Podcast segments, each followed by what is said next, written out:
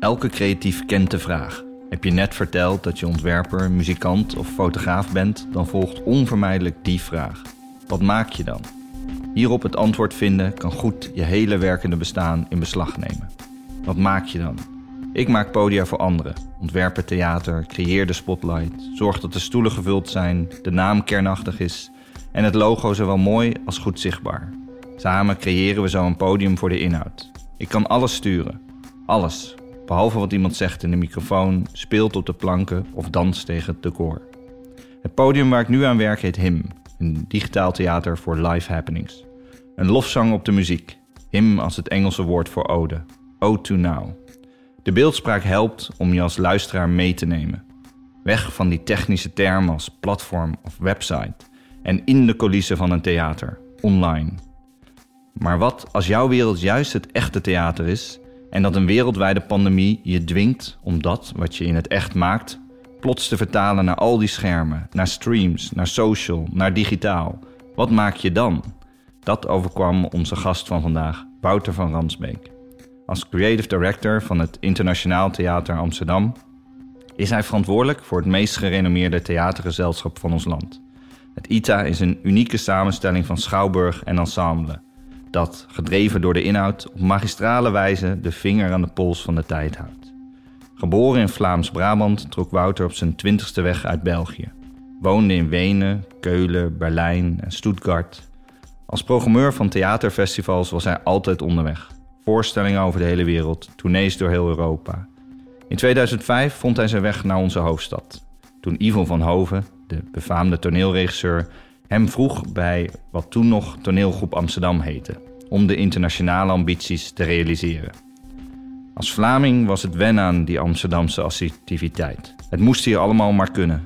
Tegenwoordig is de stad zijn eerste thuis en noemt hij het liefkozend een dorp met een wereldziel en bestrijkt hij vanuit hier de hele wereld door te streamen. De theatervoorstellingen vinden live hun weg naar fans van Frankrijk tot China, dwars door de tijdsverschillen heen.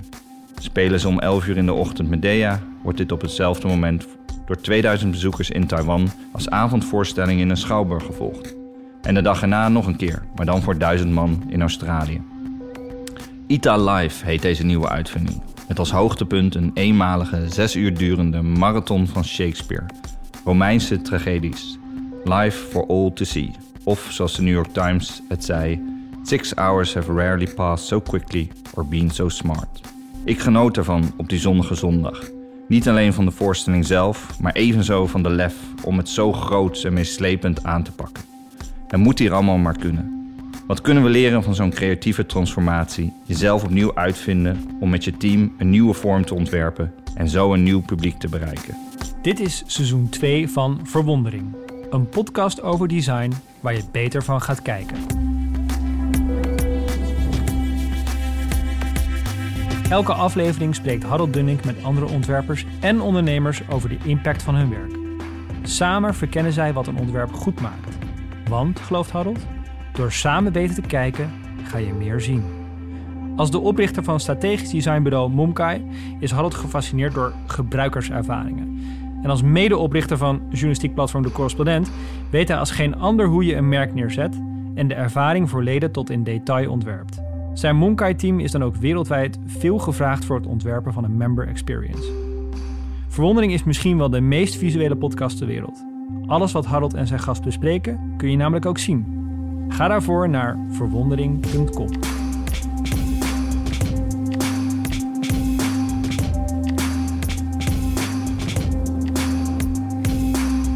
Wouter, welkom in de studio van Monkai. Dank je dat ik er kan zijn. Um, uit enquêtes bleek dat tot wel 60% bij die, livestreams, die ITA livestreams, ook voor jullie een nieuw publiek zijn.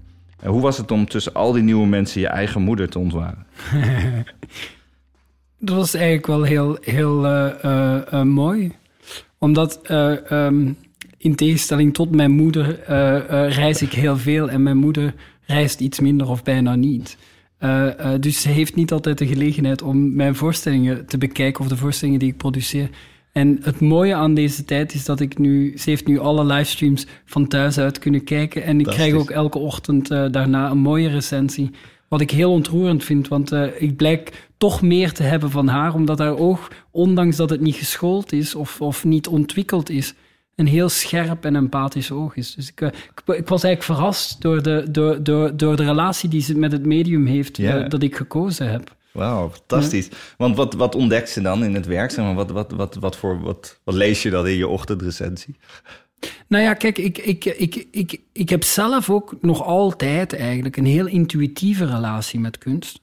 In het algemeen, maar ook met het theater in het bijzonder. En, en ik hou zelf met, heel sterk van voorstellingen of van, van, van werk wat een soort vrij instinctieve, emotionele kracht in zich heeft en dat je begrijpt zonder dat, het, dat je context of kennis nodig hebt. Mhm. En dat vind ik wel leuk. Dat heeft ze echt helemaal in, in zich en, en ze reageert dus heel bijna instinctief, emotioneel, maar ze kan het ook eigenlijk ook op een heel mooie manier beschrijven naar me toe. Dus die dialoog vind ik gewoon spannend, omdat die dialoog er eigenlijk nooit geweest is op die manier. Uh, uh, uh. Dus alleen al voor mijn moeder is het waard geweest, wow. voor die dialoog. En zij woont nog in Vlaams-Brabant? Ja. Waar dan? Of? Nu woont ze in Leuven. Ze Leuven, zijn okay. verhuisd vanuit het kleinere dorpje Assen naar, naar de grotere, kleinere provinciestad Leuven. Mooi, mooi. Ja. ja. het is toch mooi toch, dat, het, dat je dat kan vinden in deze tijd. Dat die afstand, ja. ineens is Leuven heel ver weg. En toch hierdoor zijn jullie ja. zo dicht bij elkaar geraakt. Mm -hmm. um, Italian Live, ik noemde het al in de intro, dat is uh, de manier om theatervoorstellingen te livestreamen. Um, de eerste stappen zette je al voor de corona-uitbraak. Uh, hoe, hoe, anders was het toen om zo'n idee voor een theater online te pitchen? Oh, heel moeilijk. Echt heel moeilijk. En, en, en ik ben ondertussen, denk ik, was ik er drie jaar mee bezig of zoiets, om, om uh, zelf, zelf ben ik, ja, het was heel moeilijk eigenlijk, omdat, omdat wat we eigenlijk doen is, is ons medium vertalen in een ander medium. En dat is mhm. altijd moeilijk. Ja. Want een ander medium is altijd verdacht of minder krachtig of minder ja. uh, uh, geschikt voor de inhoud die we hebben. Of, uh, dus er waren eigenlijk heel veel principediscussies. En, en mensen die, die echt het gevoel hadden dat we theater zouden verraden op een bepaalde manier, wow. of dat er iets verloren zou gaan. Uh, en, en, Was ja, dat dan intern of merkte je dat juist als je met... met nou ja, zowel extern als, als, als, als intern uh, uh, waren de believers in, in de minderheid. en ondertussen is dat natuurlijk helemaal gekanteld door corona, maar, maar het was best een, een ingewikkeld idee om uit te leggen waarom dit belangrijk zou kunnen zijn en waarom de toekomst... Um, uh, misschien dat dat voor de toekomst eigenlijk een spoor zou zijn dat los van corona een, een impact zou kunnen hebben over, de, over onze relatie met ons publiek, maar ook hoe we ons eigen werk ontwikkelen. Mm -hmm. um, en dat was, dat was spannend. Ik bedoel, ik heb echt nog tot net voor de coronacrisis uh, was ik eindelijk klaar om, om uh, in 120 bioscopen in Nederland uh, een voorstelling te streamen. Maar ik had de financiering nog niet rond. En, en, en ik, had, ik heb denk ik twee weken lang heb ik alleen maar afspraken gehad met financiers die er ja, nog niet helemaal van onder de indruk waren. Ja. En zo. Dus, uh, maar die heb ik allemaal, die krantenartikels van de laatste maanden teruggestuurd. Ja. En ik heb ook heel mooie reacties terug gehad toen. Um, ja, want zoals ik het begreep... Um uh, om zoiets op te zetten, uh, werk je ook met particulieren die, dat, ja. die daarin geloven of die ja. je helpen met de voorinvestering. Ja. Hoe, hoe, hoe, gaat zoiets in zijn werk? Nou, we hebben zo, wat zo mooi is aan, aan, aan, aan het theater op het Leidseplein, um, is dat, dat het theater zoals dat eruit ziet ook en zoals wij dat nu ervaren, uh, uh, is eigenlijk een, is, is voortgekomen uit een nieuwe klasse in de steden, namelijk de burgerij. Mm -hmm. uh, en dat, dat is wel, vind ik, heel krachtig hier ook, omdat die Schouwburg is ook afgebrand en is dan is twee op keer, toch? Ja, twee ja. keer, maar hij is dus ook in drie jaar tijd of zoiets in ja. die tijd terug opgebouwd. en dat was dus ook met particulier uh, uh, geld. En eigenlijk in Amsterdam zit er nog altijd, en rond ons theater zit er nog altijd een groep van mensen. En wij, die zijn dan de particulier producenten. Mm -hmm. En die investeren ook direct in voorstellingen. Dus die maken keuzes voor de projecten die ze ondersteunen. Uh, um, en daar, daar zitten een aantal ondernemers ook in. Mm -hmm. en, dus, en daar heb ik eigenlijk een, een, een heel directe relatie mee. En ik ken ook hen heel goed. Ik weet ook waarin zij geïnteresseerd zijn en wat ze spannend vinden. En de eerste uh, livestreams die we in oktober gedaan hebben, daar heeft één iemand ons echt geholpen om, die, om, om de, de initiële investering te maken, waardoor we zeker waren dat we niet. Uh, dat, dat, we, dat we uiteindelijk niet, niet nog meer zouden verliezen, omdat we natuurlijk door het feit van corona al, al uh, zo mhm. lang dicht waren. Ja, dus dat initiële impuls is eigenlijk gekomen vanuit particuliere initiatieven. En dat vind ik eigenlijk op zich ook wel mooi, dat die traditie zich doorzet, ook in deze tijd, maar dan in die nieuwe vorm. Want dan, en dan pitch je eigenlijk persoonlijk een idee aan, aan zo'n persoon. Ja. En wat maakte dat deze ene persoon er wel in geloofde? Wat, wat, wat, wat was het kantelpunt? Kijk, we waren toen, toen was corona er al. Mhm. Eh, eh, eh, en, en ik weet, ja, ik, ik, die eerste golf, in de eerste golf van de corona heeft, hebben heel veel mensen ervoor gekozen om eigenlijk digitaal materiaal beschikbaar te stellen, ook vaak gratis. Ja. Uh, wat al gemaakt was. En, en, uh, en plots was het internet helemaal over. Ja, ja. Er was een overvloed aan, aan, aan, aan registraties, meer dan dat het echt een, dat het goed gedaan werd. Dus ik denk dat er, dat er al een klimaat begon te ontstaan, dat, dat daar ook daar een soort verdiepingsslag kon plaatsvinden. En, en dus het was in oktober dat ik dan met een aantal van die mensen nog gesproken heb of ze die initiële start ook mee mhm. zouden kunnen begeleiden. En dat is dan heel snel gegaan. Er was uh, één iemand die dat, uh, die dat enorm zag zitten. Ja, want wat je bij die andere zag, is eigenlijk een heel klassieke reflex... die, uh, zoals natuurlijk ook internet ooit begon... om dan maar te zeggen alles is gratis... waardoor voor mensen het helemaal geen waarde heeft... of het is een registratie achteraf... want er wordt geen momentum gecreëerd. Ja. Um, waarbij jullie ervoor kozen om live live te gaan. Het is, als je kijkt, als je inschakelt op een, uh, op een livestream... dan speelt de voorstelling zich in de stad Schouwburg in Amsterdam af. Mhm. En iedereen kan hem bekijken. Ja. Ehm, waarom is dat voor jou zo belangrijk, dat, dat live live? Wat, wat vind je zo mooi aan live? Um, kijk, voor mij is het theater eigenlijk in basis gewoon de kunst van het samenkomen.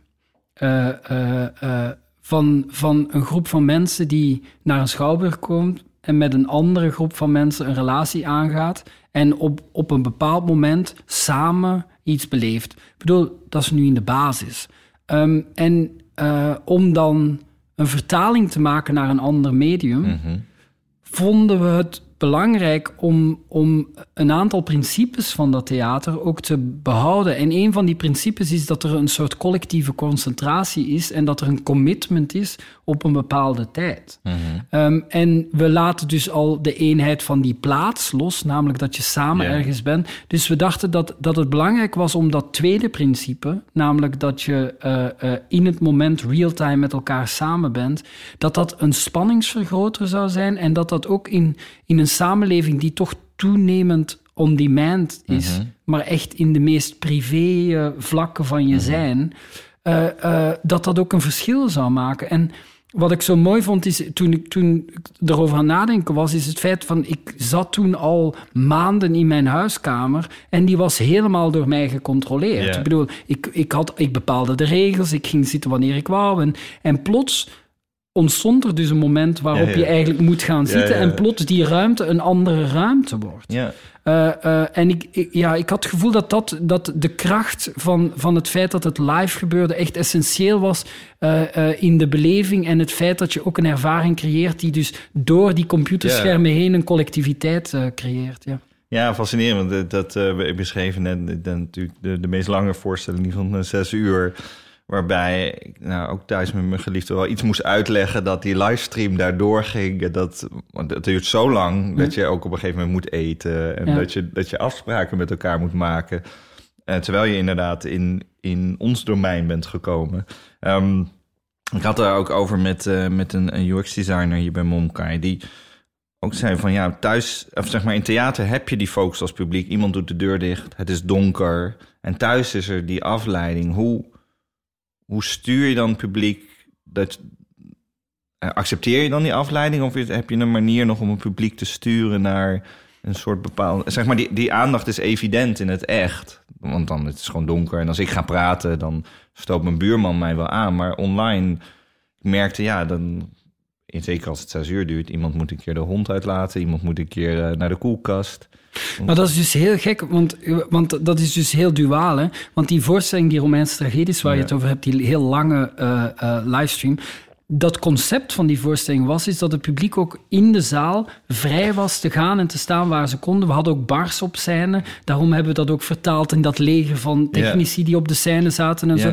Dus die vrijheid van dat publiek zat al in die voorstelling. Maar meer principieel, wat ik zo mooi vond aan het feit, wij gaven de mensen de kans om zich niet te concentreren. Mhm. Maar die vrijheid, die maakte net dat zij zich heel rustig en goed konden concentreren. Dus ook in de zaal vind ik een beetje disconcentratie of een beetje vrijheid eigenlijk meer productief oh, werken dan, dan, dan contraproductief werken. En ik denk dat, dat dat nog een van de drempels is die wij in het theater moeten overwinnen, is het, het vooroordeel dat je een bepaalde gedragscode hebt in dat uh, uh, theater. En ja, thuis kunnen we dat natuurlijk niet zo goed sturen. Anderzijds, wat zo mooi is aan, aan, aan zeker aan, aan, aan theaterstukken, is dat er een soort narratief is wat je moet volgen. Als je dat mhm. niet volgt, dan ben je dan loop je achter. En, en dat dwingt natuurlijk een concentratie. En ik denk ook dat het publiek wat kijkt, dat, dat inderdaad dat met theater een soort van a priori je willen concentreren voor langere tijd, dat dat in je DNA zit als je daar überhaupt interesse in, in uh, uh, toont.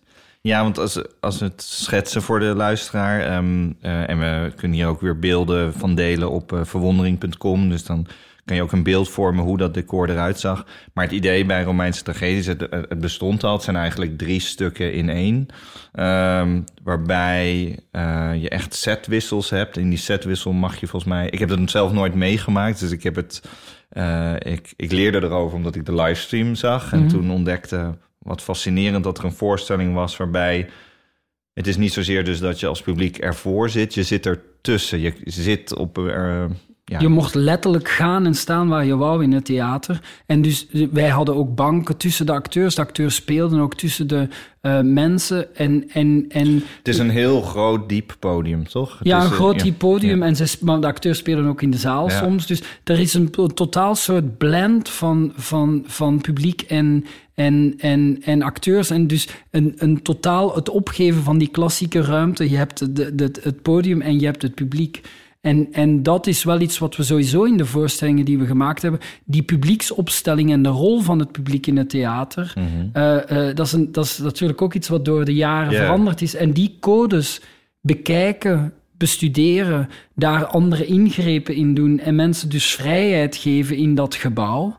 Uh, dat is toch ook een, een, een, eigenlijk een onderzoek wat we in die voorstellingen sowieso al gedaan hebben op regelmatige mm En nu eigenlijk met Ita Live eigenlijk ook weer een stap verder zetten. Want ook daar gaan we op een andere manier met ons publiek om, namelijk we laten hen thuis.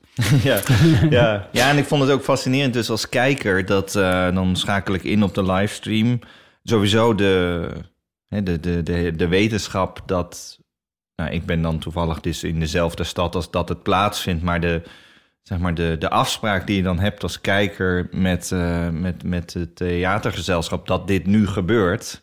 Hè, zoals, een, zoals een voetballer aan de bal is. Zeg maar, dat, uh, dat maakt alles veel, nog veel spannender. Mm. En uh, kijk, in deze podcast, dat we, als ik een keer verspreek, dan kunnen we het eruit editen. maar, maar dat bestaat niet ja. in, in, die, in die setting. En wat ik ook fascinerend vond, is dat de.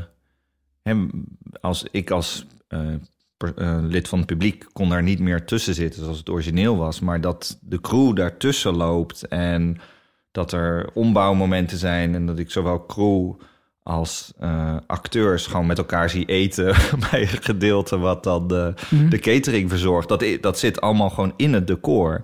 Um, wat het... Maar het grappige is dus bijvoorbeeld bij Shakespeare in zijn tijd was dat ook zo.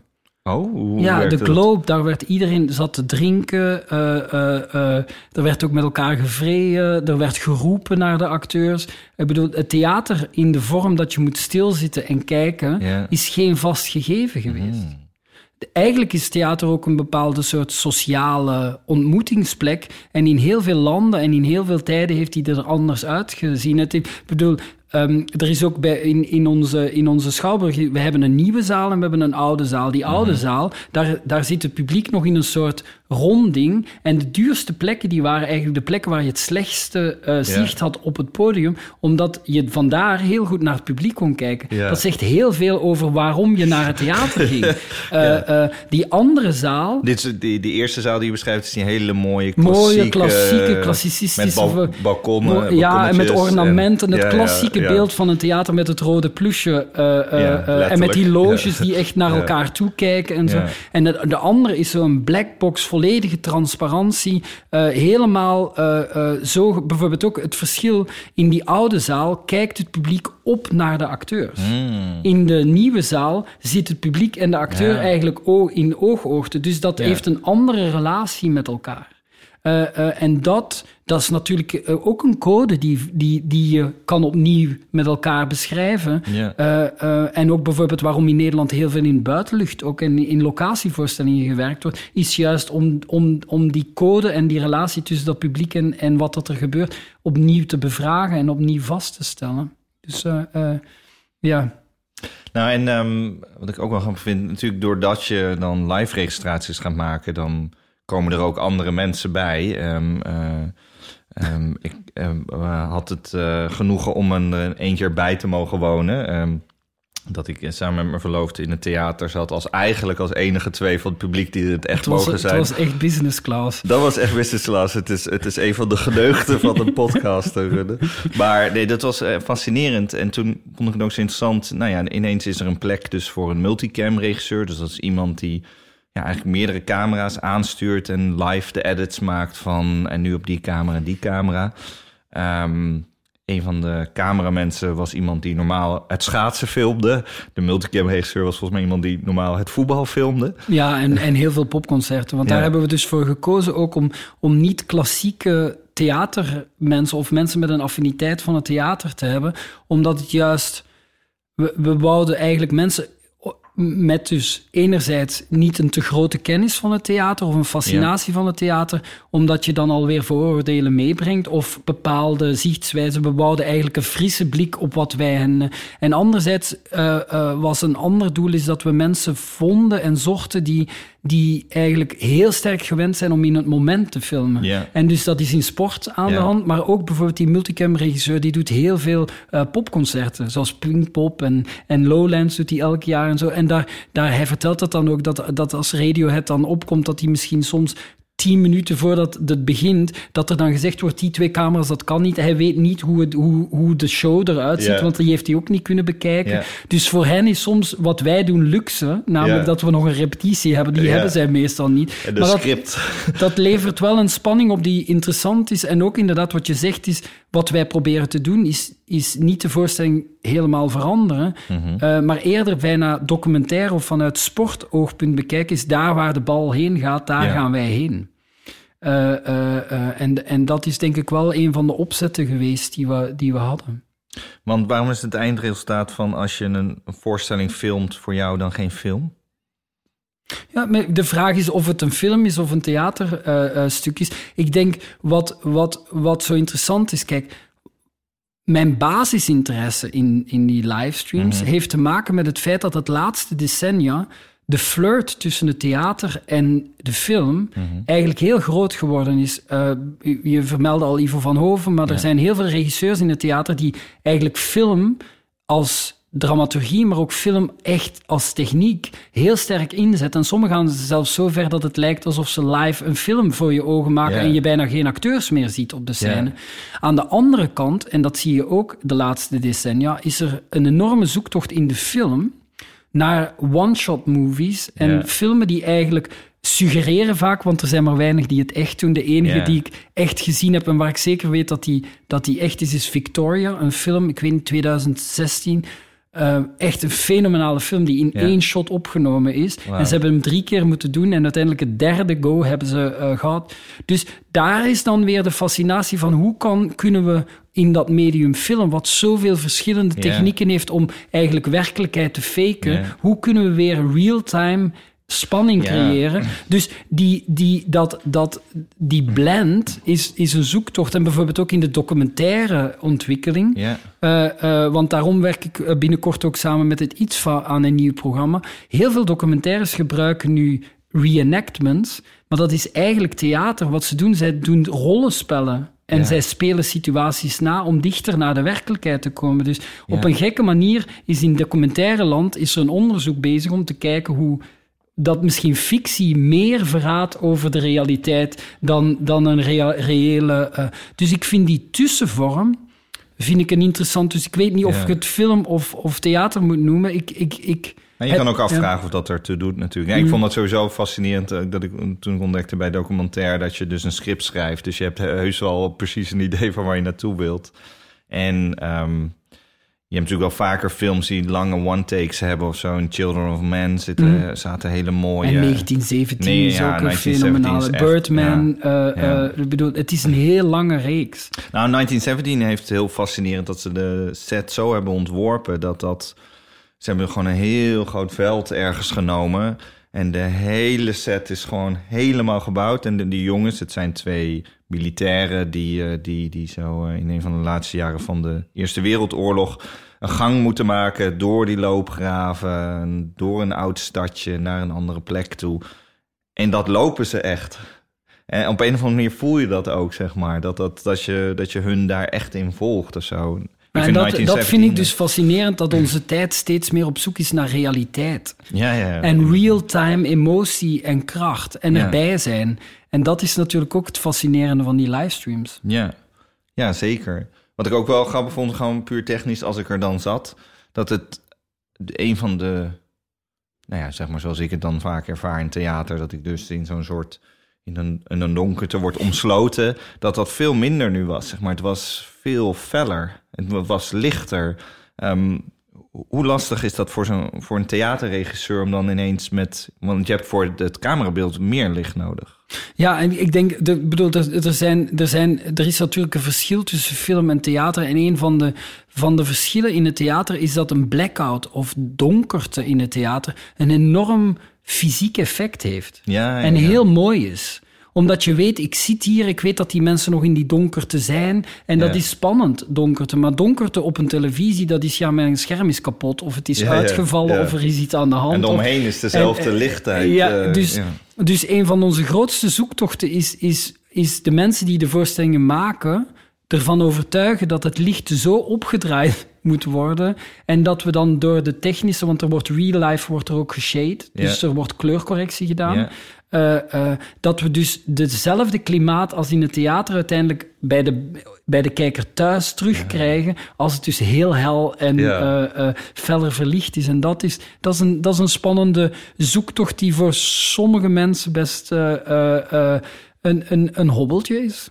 Nou, je vertelde toen, wij hebben toen eh Peeping Tom Ja. gezien, een dansgezelschap uit, eh, uit België. Een prachtige voorstelling. Ehm, dat dat ook een zoektocht was in het begin, vlak, vlak voor de voorstelling nog, toch? In de, van hoeveel Ja. licht mag je doen Ja. en mag je de achterwand van het theater zien of niet? Ja, en ze, ze hadden bijvoorbeeld, eh, toen ze dan de doorloop gezien hadden, hadden ze weer allemaal licht teruggedraaid, omdat ze dachten van ja, maar dit kan toch eigenlijk niet. En dat is natuurlijk ook wel het spannende aan, aan twee media die elkaar ontmoeten, want er zijn Ja. verschillende dynamieken en, en er, er is een regisseur of een regisseuse in dat geval die echt goed weet wat de codes van het theater zijn en wat Ja. een theatervoorstelling nodig heeft. En dan is er aan de andere kant een team wat best goed weet Ja. wat film is. Ja. En, en dat is wel een zoektocht, is hoe je dus de artistieke visie van iemand anders vertaalt naar een ander medium. En het vertrouwen geeft aan degene die het gemaakt heeft, dat je er dus zorgzaam en vanuit, vanuit de intentie van dat werk mee omgaat. En ik denk dat dat voor ons de grootste zoektocht is, is hoe vertaal je dan een voorstelling en het kunstwerk van iemand anders in iets anders. Eh, eh, en dat is mooi en dat is zorgzaam en leerzaam en dat is ook op menselijk vlak een heel spannende reis. Ja. Want hoe, eh, wat is jouw rol op zo'n moment, zeg maar, zo'n uur voor de voorstelling? Die, je hebt een theaterregisseur die een beeld heeft, je hebt een multicam-regisseur die het op, op beeld op een bepaalde manier zoekt. Hoe, hoe breng je daar verbinding? Nou ja, ik, een, van de, een van mijn taken is dus inderdaad groepsprocessen. eh, eh, ervoor zorgen dat een groepsproces creatief blijft. En dat iedereen in zijn talent en in zijn kracht kan staan. Eh, eh, ja, bemiddelen. op dat vlak was het gewoon bemiddelen en, en eigenlijk op korte termijn en in een speed-sessie vertrouwen uh, uh, uitstralen, geven, ruimte maken voor, voor het ene perspectief en het andere perspectief. En, en, en ondertussen hebben we met dat team wat vertaalt ook al een aantal livestreams gedaan. Dus we weten ook goed dat we soms even moeten terughouden, dat we soms ook een aantal dingen moeten, ja, pick your battles ook op een bepaalde manier, denk ik. Nou, omdat bijvoorbeeld, je noemde het net al live grading. Dus um, uh, heel vaak als je iets op film ziet, is het helemaal nog niet zo mooi. Je moet het color graden. Ja. En met color grading kan je nog zo ontzettend veel doen. Ja. Je, je, je, je, haalt het zwart omhoog, je maakt uh, de kleuren veel warmer of iets. Mm -hmm. uh, een van de complexe zaken aan een live registratie is dat je moet live color graden om dat goed te krijgen. Is dat dan ook iets wat je dan nou, in dit geval een theaterregisseur mee ja, de regiekamer intrekt. Oké, okay, ja. Want jullie hadden een losse kamer, allerlei beeldschermen uh, zag je daar. Ja. Um, um, zo, zo, zodat ze ook kon zien hoe dat er op, op beeld uitziet. Ja, ook omdat ze dan kon zien, bijvoorbeeld ook, er was een hele discussie over dat ze vond dat we veel te dicht bij de mensen waren. Maar wij zeiden, ja, zolang er niet meer licht is, kunnen we geen medium shots maken. Ja, ja. Ja, als het dat van licht is, dan wij volgen het licht. Dus toen hebben we met haar naar die registratie gekeken van die repetitie. En toen zag zij zelf, ja, maar daar gebeurt nog iets en daar. Maar dat zien de camera's niet. En de nee. cameramensen die gaan daar waar het licht is. Wauw, ja. Dus, dus, dus dat was een mooie, mooie want, want theater is want dat was echt donker in de achtergrond, of hoe moet je... Hoe moet maar het was echt pikdonker. Pikdonker? Ja, het was echt op het moment dat, je, dat we maar amper iets... Uh, uh, dus dat licht bijvoorbeeld van die voorstelling die jij gezien hebt, ja. daar hebben we wel echt stevig aan gewerkt. Ja. Uh, um, ja, en ook soms heb je wat, wat zo mooi is als je iets meer licht hebt, dan heb je dus ook diepte. Ja. En dan kan je dus, dan is een shot niet zo, want in theater is het vaak dan flat. Ja. Dus dan heb je soms details aan de achterkant die je nog mee kan nemen, waardoor er iets meer diepte-effect ontstaat Ja. en zo. Maar dat zijn natuurlijk dingen die in theater niet zo belangrijk zijn. Nee. Nee, dit, ehm, dit was dus een voorstelling waarbij het... In ieder geval voor de regisseur, misschien ook voor het gezelschap... voor het eerst was dat ze op Ja. die manier gefilmd werden. Ja. En het was ook nog dans, wat Ja. no- nog weer iets anders is dan... Ja, is het anders? Het, is, eh, het, is, het was nog steeds echt wel een voorstelling... Maar misschien minder duidelijk verhalend... of minder grijpbaar verhalend. Dat is niet zo'n narratief, Nee, het was nee. eerder een, een het, het waren eigenlijk, ja, stillevens bijna, of een soort van, van, van ja... Het, het was tussen dans, theater, tussen, tussen mime en, en eh, het was een soort tussenvorm Ja. die wel heel filmisch was. Ja, zeker. Het was heel filmisch. En eh, je zag wel echt een decor ook van Ja. een schip van binnen of eh, van En dat water binnen. was ook prachtig met die weerspiegelingen en zo. Dus dat, Zeker. dat leverde wel echt een aantal heel mooie, mooie momenten op. Vond ik filmisch ook echt heel krachtig. Ja, aan het einde was eigenlijk de hele vloer van het theater was, was water geworden. Wat daarna ook hele mooie tafereelen opleverde. Toen het licht weer aanging, Ja, dat dat- een paar mannetjes... Nou, ik denk wel een uur, of in ieder geval zo lang als wat, eh, wij daar zaten. Dat is trouwens ook een ontdekking. Ja, Namelijk dat mensen het echt zo prachtig vinden om set changes en het uiteenhalen van decors Ja. en het in elkaar halen van decors, dat dat dus iets is wat op film echt goed. Ja. eh, eh, plus ook een feature is die in theater niet zo vaak ziet, omdat je niet vaak de achterkant ziet of Ja. het afbreken ziet. Of het, ja, dus bijvoorbeeld met die voorstelling.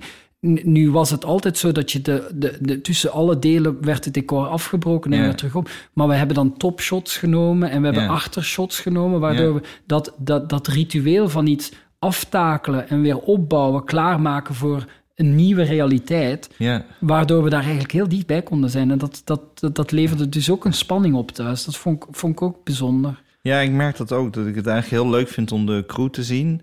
Eh, in eh, een van jullie voorstellingen zie je dat ook heel duidelijk. Hebben zij duidelijke zwarte kleren aan? Zijn ze duidelijk gebrand als de crew?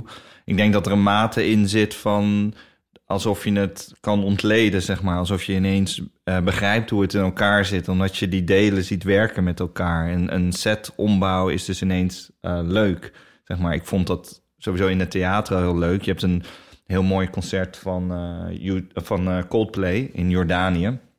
Waarbij ze met een eh, zonsondergang spelen. Eh, dat, dat is eh, geproduceerd door een technische producer, Bolke Burnaby Lautier. Een hele, hele goede ehm, eh, technicus met, die met zijn hele crew vooral dat soort live registraties doet. Een Nederlander. Ik heb het geluk nu dat wij nu met hem mogen gaan werken. Maar daar vond ik het dus fascinerend. Ik vond het dus eigenlijk nog leuker dat ik Chris Martin en zijn band dan daar zie spelen. Dat ik de rails op de grond zie liggen. Dat ik snap hoe de camera Ja. eromheen gaat. Dat ik een groepje kinderen die dan op een gegeven moment bij een deel van het optreden is erin komt en weer wegga. En het is bijna alsof ik het. Wat ik ook vaak zo leuk vond in het theater, dat ik de. Ja, hoe zeg je dat? De, de, de volgordelijkheid of hoe het in elkaar overstroomt, dat je dat.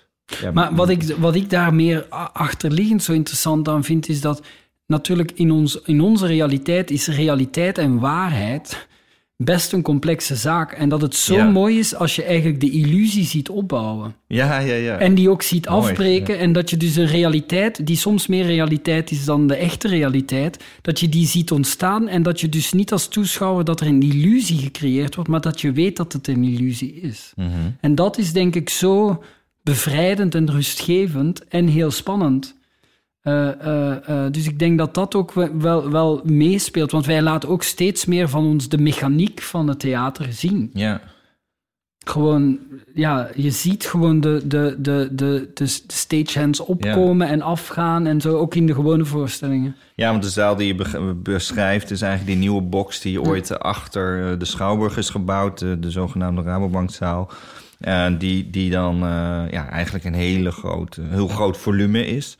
Waar de vorige zaal die je beschrijft eigenlijk de hele ruimte erachter verbergt. Er is een één fotograaf, ik zal hem mooi in de eh, gallery op verwondering.com zetten, die eh, allerlei podia door heel Europa heeft gefotografeerd vanaf het zicht van de, eh, ja, de acteurs en de crew naar de zaal toe. En dan zie je ineens dat, ja, inderdaad, achter die ornamenten en, en, en zaal eh, een hele wereld schuil gaat of een heel, een heel volume schuil gaat. Eh, waar ik het idee heb dat bij de Rauwenzaal ik dat gewoon kan zien. Ik, Ja. kan, het, ik kan het gewoon bevatten. Ja. Ehm, eh, en dat je dat ook. Wat, wat ik wel interessant aan vind, ik vind het dus interessant als ik meegenomen word in de opbouw van die il- illusie. Maar ik hou niet van behind the scenes. Van, nee, maar daar een is, een, daar is een heel groot verschil, omdat die behind the scenes meestal anekdotisch over vertelt over wat het er gemaakt is. Mhm.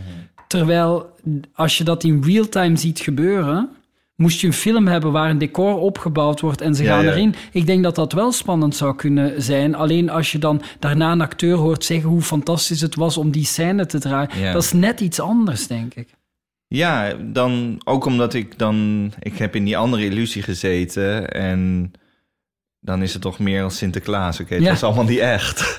en, en terwijl, terwijl in de opzet waar ik in meegenomen word... dan voelt het ook als een intelligenter spel of zo. Ik snap dat je me nu ergens meestuurt of zo. Maar en ook dan, dan denk je soms van, ik, wat ik zo mooi vind, dat is, dat is zo mooi ook aan een acteur. Ik kan zo soms in de coulissen zitten en dan zit ik te praten. En dan staat Hans Kesting bijvoorbeeld op.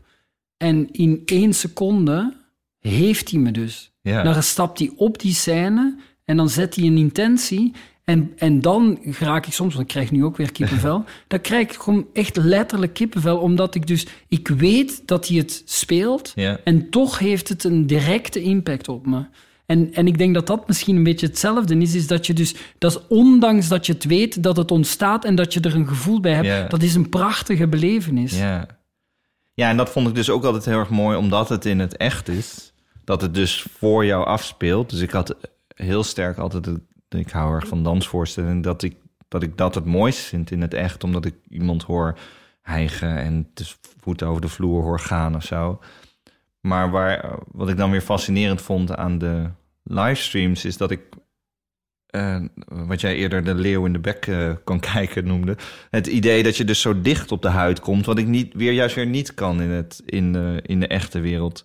Waardoor ik ook denk, ja, die dingen sluiten elkaar niet uit. Het is niet zo dat de livestreams stoppen als de pandemie voorbij is. En je kan altijd naar een theater, omdat het een, ja, het, de, de privilege die ik ervaar als kijker eh, online is dat, dat ik er zo dicht op mag zijn, zeg maar. Die... Nou ja, en je zei het ook, ik bedoel, tussen de 30 en de 60 procent is publiek wat normaal Ja. niet naar de schouwburg gaat. Maar dat heeft dus ook te maken met de drempel die mensen toch nog ervaren om over die letterlijke schouwburgdrempel te eh, eh, stappen. Dus in die zin is er, is er dus ook een publiek, denk ik, wat... wat, wat Kijk, wat, wat zo interessant is in onze samenleving ook, is als, als, als ik 18 was, toen had ik zeker al 400 films gezien. Ja. En toen, als ik dan een slechtere film zag of zo, of als ik een goede film zag, dan had ik niet het gevoel dat het hele medium film goed of slecht was. ja. De gemiddelde mens heeft echt maar één of twee voorstellingen, theatervoorstellingen gezien als hij zijn volwassen leven binnengaat. Dus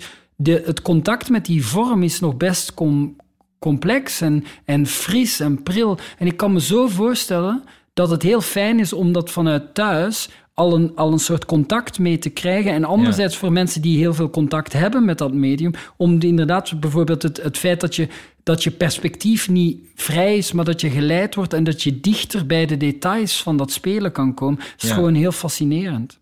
Ja, zeker. Ja, je, gaat, je gaat meer zien. Ik had het altijd als ik oude films keek en dan heel soms eh, doen ze in het filmmuseum een, eh, eh, zeg maar de, de eh, 70 mm versie, de originele versie van iets als 2001 Space Mhm. Oddity of iets anders. En als je het dan al heel vaak hebt gezien en je ziet het dan ineens op het grote scherm in zijn, zijn hoogste eh, kwaliteit, dan zie je dus gewoon echt helemaal nieuwe details. Wat ook een soort hele ervaring is die die de voorgaande ook niet uitsluit. Het is gewoon een verdieping of een verrijking daarin. Ehm, is, er, is er nu ook een manier dat, dat bijvoorbeeld die livestreams dan ook op een andere manier een jonger publiek kunnen trekken? Of dat je, gewoon, of dat je merkt dat mensen er anders op reageren? Of juist een oud publiek wat misschien helemaal niet meer naar theater kan? Nou ja, ik denk dat het die, die drempelverlaging of het feit dat, je, dat dat voor heel veel mensen een opluchting is. Gek genoeg. Er dat- zit iets elitairs aan, natuurlijk iets, bes, eh, iets beslotens aan. En je, het is natuurlijk sowieso al een, een schouwburg in Amsterdam. Dus ja, je moet naar Amsterdam. En natuurlijk, je hebt ook schouwburg in Eindhoven, in Rotterdam. Maar je moet vaak naar de grote stad voor het meest interessante werk in ieder geval. Ehm, nu kan je gewoon vanuit Leuven meekijken. Ja, maar want dat is bijvoorbeeld ook... Ja, er, er heerst er nog zoveel... Mensen hebben het gevoel dat er zoveel do's en don'ts in dat gebouw zijn. En dat naar het theater gaan... eh, ehm, mijn vriendin die werkt ook in de popwereld. En, en dus ik, ik ben er ook veel vaker. En op een bepaald moment was er iemand en die, die ik bedoel, alle eh 3FM Awards, alle grote awards, in de, heeft hij altijd een t-shirt aan en, en, een, en, een, en een spijkerbroek. En, eh, eh, en op een bepaald moment, want we kennen elkaar nu heel goed, ik zei van ja, kom even kijken naar wat ik doe. En de dag daarvoor is hij, is, een, is hij een jasje gaan kopen. en hij komt dus mijn schouwburg binnen. En ik denk van, wat is er aan de hand? En toen realiseerde ik me plots... Oh ja, jij denkt Schouwburg, oké, dan moet ik er keurig eh, eh, eh, uitzien. Ja. Dat is echt heel jammer, hè? Ja. Dat is echt heel jammer. Eh, eh, ehm, maar dus ik denk dat dat bastion, of dat, wat het theater soms voor sommige mensen nog is, dat dat sowieso hiermee opengebroken wordt. Maar eigenlijk ook dat, dat, er, dat er misschien een tussenvorm ontstaat en dat dat, dat, dat, dat flirten van film en theater met elkaar misschien daar een nieuwe vorm gaat vinden. Ja, kijk, het is natuurlijk jammer als hij denkt dat, dat je, om, omdat je dan een, een, een prachtig ontworpen pak aan moet, omdat dat zou horen in die setting. Aan de andere kant is er een bepaalde eh, belevenis daar, en wat ik ook heb bij dans of weet ik veel, bij een awardshow of zo, waar ik het juist ook weer kan waarderen als mensen niet, niet alles gelijk schakelen en niet altijd bij alles het t-shirt aan hebben. Dat, is echt een betoog in Nederland, wil je mensen daar naartoe krijgen. Eh, Daar gaan we, ik weet niet hoe lang ben je daar al mee bezig Ja, met nee, deze gewoon- actie. Nee, nou ja, ik zou me je- er ook wel willen bij aansluiten, maar ik, ik denk dat we dan misschien, eh, misschien binnen twee levens gaan we dat voor elkaar Nee, krijgen. precies, exact. Nee, maar soms bij een awardshow heb ik het ook wel eens meegemaakt. Dan, is het, dan gaan mensen er prat op van, kijk hoe normaal ik ben gebleven. Terwijl je denkt, nee, maar het is toch ook mooi dat we iets mogen vieren. Dat je iets knaps aantrekt. Maar voor de belevenis van theater aan zich heb je natuurlijk niet nodig. Nou ja, wat zo mooi is, en dat was trouwens een van de redenen van de fusie tussen de Schouwburg en het ensemble. ehm, is theater is natuurlijk meer dan die zaal waar dat licht aangaat en waar acteurs staan. Het is een heel ritueel om daarheen te Ja, gaan. ja, ja. En, en soms ben ik me er, word ik me er zo van bewust dat om zo'n avond bij ons te komen, moet je inderdaad, je zegt het centrum van Amsterdam Ja. eh, trotseren. Dat betekent in de auto zitten, tram zitten. Ja. Mensen moeten een babysit regelen. Ja. Eh, eh, dus al die... Dus het feit dat wij nu in staat zijn om eigenlijk niet alleen het diner te koken, maar ook te bepalen hoe de tafelschikking is, hoe de muziek is die opstaat, hoe het kaartje gescheurd wordt, wie je welkom heet, hoe die schouwburg eruit ziet. Is, dat is gewoon een heel groot deel van, van, van dat ritueel en die belevingswereld. Ja, ik, ervaar, ik ervaarde het al wel eens eerder bij jullie met... eh, er waren avonden dat eh, Lex Bolmeijer ze voorzat. eh, en en ehm, dat het gezelschap ook weer afgewisseld werd soms met een psychiater. Of, Mhm. Waar ik ook al merkte, en volgens mij in mijn herinnering is, was dat ook eerder door de week. Ja. Ehm, wat ik een heel leuk concept vond, ook weer in dat drempel verlagen. Nou, ook niet zo dat, oh, het is zo zwaar. En, hmm. Het is gewoon een door de week. En deze mensen, de, oh, die mensen die uiten zich door te acteren. En die mensen uiten zich door eh, nou, eh, hun, hun psychoanalyses te vertellen of iets. Wat ik een, eh, ook een hele interessante vorm vond. Die, ik weet niet of die nog bestaat. Dit Ja, nog? ja, we doen die nog altijd. We hebben trouwens een van de. dat heette toen, denk ik, eh, ehm, Wish You Were Here Oh, of ja. Sign of the Time. Maar nu heet Ja. het Sign of the Times. Nee, dat doen we nog altijd. Wat ik daar aan- leuk aan vind, is dat, dat, dat het zo'n een blend van actualiteit Ja. en poëzie is, maar daardoor ook eigenlijk die. Die, die meer poëtische dimensie en de meer journalistieke dimensie eigenlijk op een heel aanvullende manier met elkaar combineert. En ook, ik heb het gevoel, Schouwburg is een centrum voor gesprek, maar niet een debatcentrum. Dus als wij Ja, ja, ja. zoiets doen, vind ik het ook wel interessant om te kijken of ook daar een soort, een, ook daar onze stijl en ons kunnen eh, op een andere manier integreren. Ja. Fijn dat je dat gezien hebt. Ja, ik vond het al heel interessant. Ook omdat je dan ook... eh, eh, ik werk, eh, werkte heel lang met Lex Bolmeijer. Die heeft ook een podcast bij de correspondent. en Goede Gesprekken. Dus ik hoop altijd dat hij een beetje... dat ik eh, keek natuurlijk altijd tegen hem op. Van, eh, dat hij, hij was altijd heel inspirerend voor mij. Een hele leuke, hele Nou, warme dan hopen dat warme hij nu man. luistert. Ik hoop het. Hoi Lex. Ehm, eh, maar goed, inderdaad, over met, met, met interessante mensen mogen samenwerken. Dat, dat, dat heb je natuurlijk ook al langer met, bij ITA met ehm, Jan Verswijfeld, de ontwerper, ja, in-house ontwerper.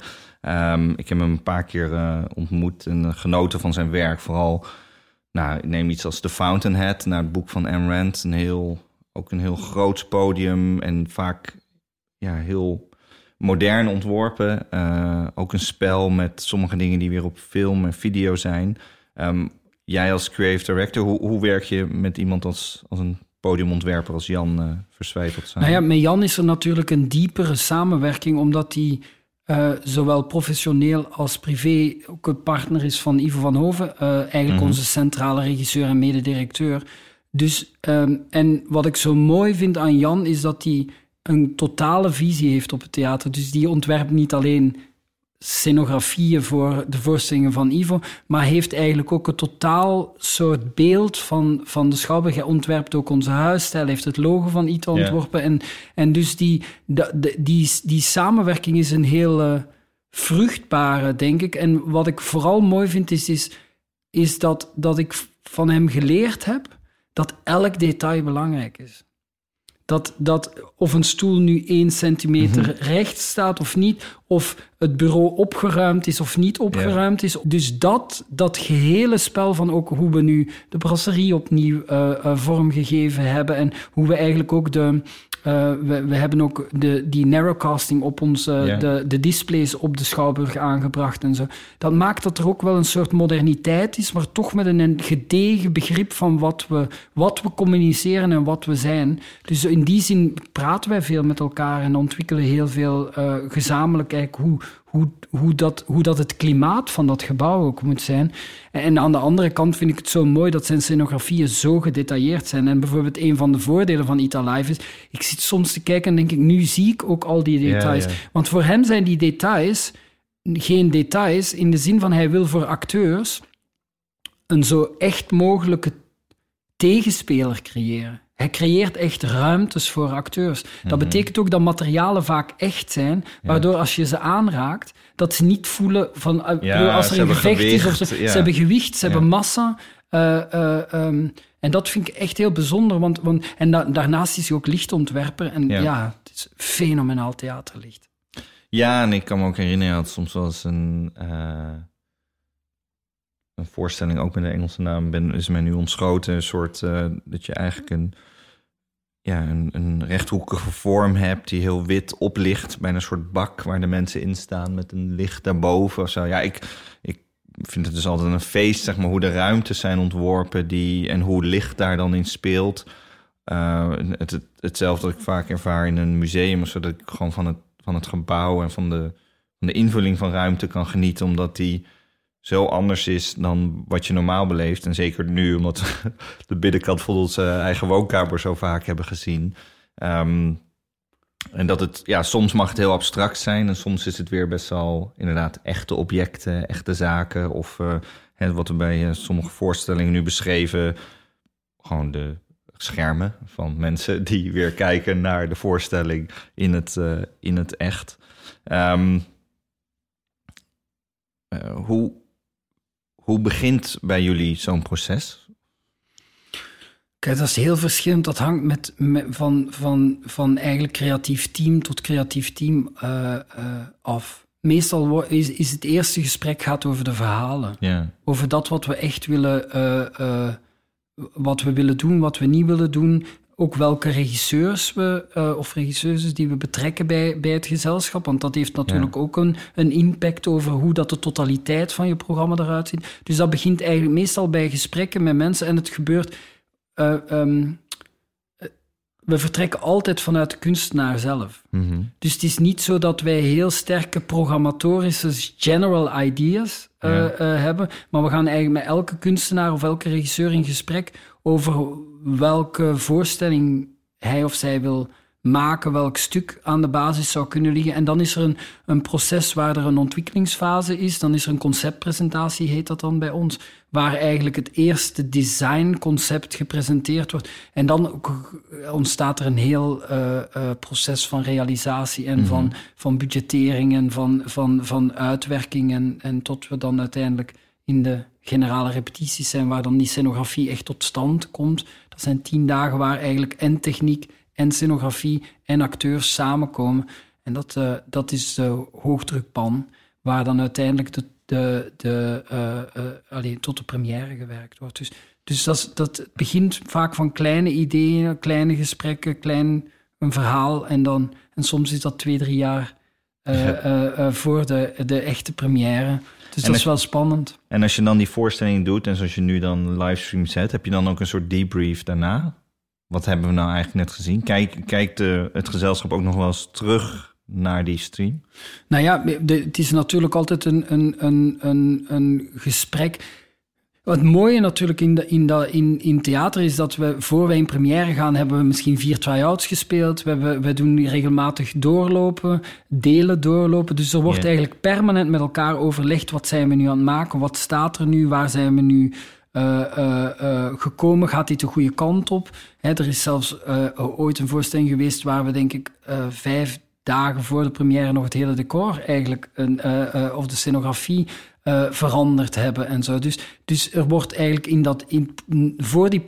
Ja, theater is op dat vlak een heel collectieve eh, eh, kunstvorm die vanuit verschillende disciplines eigenlijk blijft kijken Ja. tot op een moment dat het gelokt wordt. En dan wordt er soms wel een jaar later of zo, als die voorstelling hernomen wordt, kan er wel opnieuw naar gekeken worden. Ja. Met iets meer afstand. Ehm, als, als laatste vraag. eh, voor welk ontwerp, wat dan ook wat ooit in de wereld is gecreëerd, voor welk ontwerp ben jij het meest dankbaar? Gek genoeg, de iPhone. De iPhone, oh wat grappig. Die heb ik al een keer eerder gehad. Een keer met, eh, de, met eh, ehm, eh, Hussein Suleiman van eh, Daily Paper. Een van de co-founders van Daily Paper. Oh, die, ja. die hem toen liet vallen en toen dacht, hé, hey, dat... Dat is hem. maar wat is dat voor jou? Hoe, hoe, ehm, Nou, omdat die, dat, die, dat die vrijheid en verbondenheid eh, verbindt.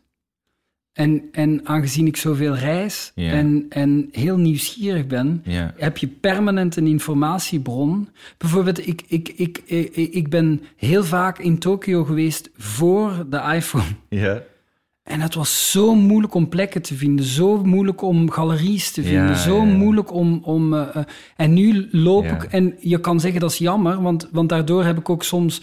Ben ik, loop ik minder fout en daardoor zie ik ook waarschijnlijk dingen die ik. Die ik die, dus loop ik binnen mijn algoritme weer beet, meer. Maar anderzijds heb ik daardoor ook wel. voel ik me zo ge, geïnformeerd en anderzijds toch heel verbonden met het werk. Eh, dus eigenlijk gaat het over die mobiele, eh, het, het feit dat er devices zijn waardoor je contact kan hebben en toch niet op dezelfde plek zijn. Dat vind ik eigenlijk een, een eh, dus daarom zeg ik eigenlijk de iPhone niet. Maar misschien bedoel je eerder nog Google Maps. Want wat, ik, wat, wat jij beschrijft heb ik ook meegemaakt in Japan. dat ik er geweest ben voordat je smartphones had en, en veel recenter nog. En dat voor die tijd was zeg maar rondgaan en gewoon überhaupt op de metro iets lezen. En dat zijn allemaal verschillende bedrijfjes. En, en dat hele netwerk is heel lastig. Terwijl Google Maps, toen dat eenmaal was, dan geef je gewoon een punt hier en een punt daar aan. En je kan niet meer voorstellen hoe moeilijk het was daarvoor. De- Hoe goed je moest opletten, en kleurtje en alles moest ontcijferen. En dat heb ik nu nog wel een beetje. Maar het staat allemaal in dezelfde interface Ja, die en ik je ook kan je gebruik telefoon in de... geven en dan Ja. drukt iemand het voor Ja. je in en dan volg je en dan heb je het, Ja. soms druk je dan weg en kom je, moet je het opnieuw vragen. Maar, maar nee, maar misschien Google Maps is wel een, een, een, een, ja, vind ik een uitvinding, maar het gaat ook over FaceTime en zo. Mhm. Is het feit dat je, dat je een, een, dat ik nu met mijn netwerk in de wereld een ander soort connectie eh, eh, heb, ondanks dat, bijvoorbeeld ook, kan je je voorstellen, corona zonder die techniek? Ja, ja. Zonder te zoomen, zonder te facetimen. Ik bedoel, ik denk dat we best in een andere staat van zijn zouden eh, zijn op dit moment. Dus ik, dat, dat vind ik. En ja, er zijn voor- en nadelen aan natuurlijk aan die, aan die technologieën. Nou ja, en ook andersom natuurlijk. Dat, dat jij reisde heel veel en dat dan Zoom nog niet zo heel erg geaccepteerd was door collega's. Waardoor als je er dan niet bij was, was het... Ja, je bent toch niet bij de meeting? Ja. Terwijl, joehoe, ik ben in dit scherm, ik ben er gewoon. Maar Eh, er werd ook heel veel zinloos gereisd. Heel veel zinloos gereisd om dan bij elkaar te zitten.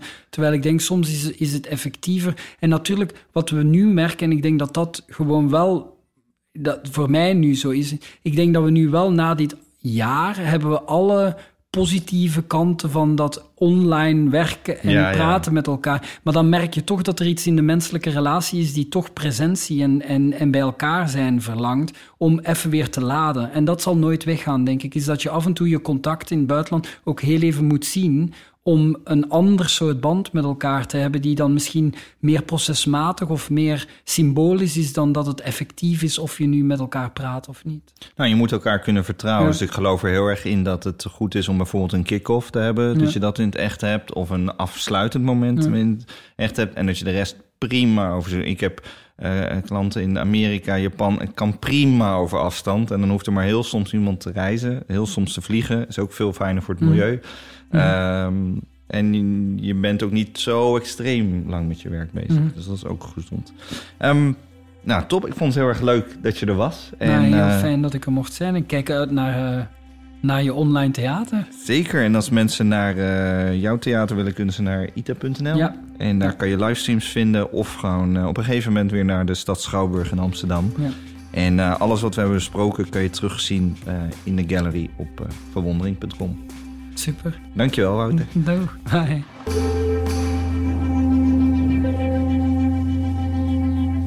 Wil je met jouw organisatie, groot of klein, start-up of skill-up, ook eens met Huddles designteam werken? Ga dan naar momkai.com of stuur Huddle een berichtje op Instagram. Heb je reacties, tips of ideeën voor een gast? E-mail ons via podcast.verwondering.com. En je kunt ook een review achterlaten via iTunes. Dat vinden we heel leuk om te lezen. En het helpt andere designliefhebbers deze podcast te ontdekken.